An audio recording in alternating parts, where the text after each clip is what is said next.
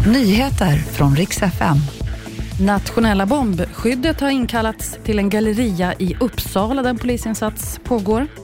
Och polisutredningen mot Margot Ditz, den läggs ner. Ja, en polisinsats pågår vid en galleria i Uppsala och polisen har spärrat av ett område men har inte velat kommentera varför de är på plats.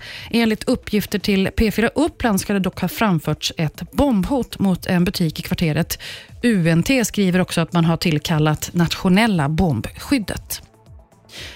Köttbullar har fått kallas tillbaka efter nya larm om listeria. Förra veckan hittade matjätten Axfood listeria i sina färska köttbullar. Och nu har man hittat det i färdiglagade köttbullar från märket Garant.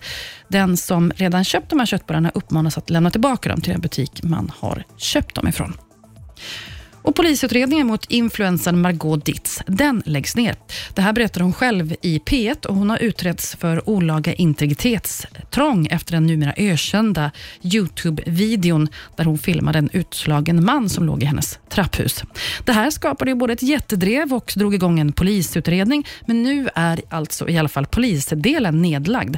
Margot själv säger att hon någonstans nu hoppas att det här ska vara över, att vi inte ska behöva älta den här händelsen för evigt. Det var nyheterna. Jag heter Maria Granström.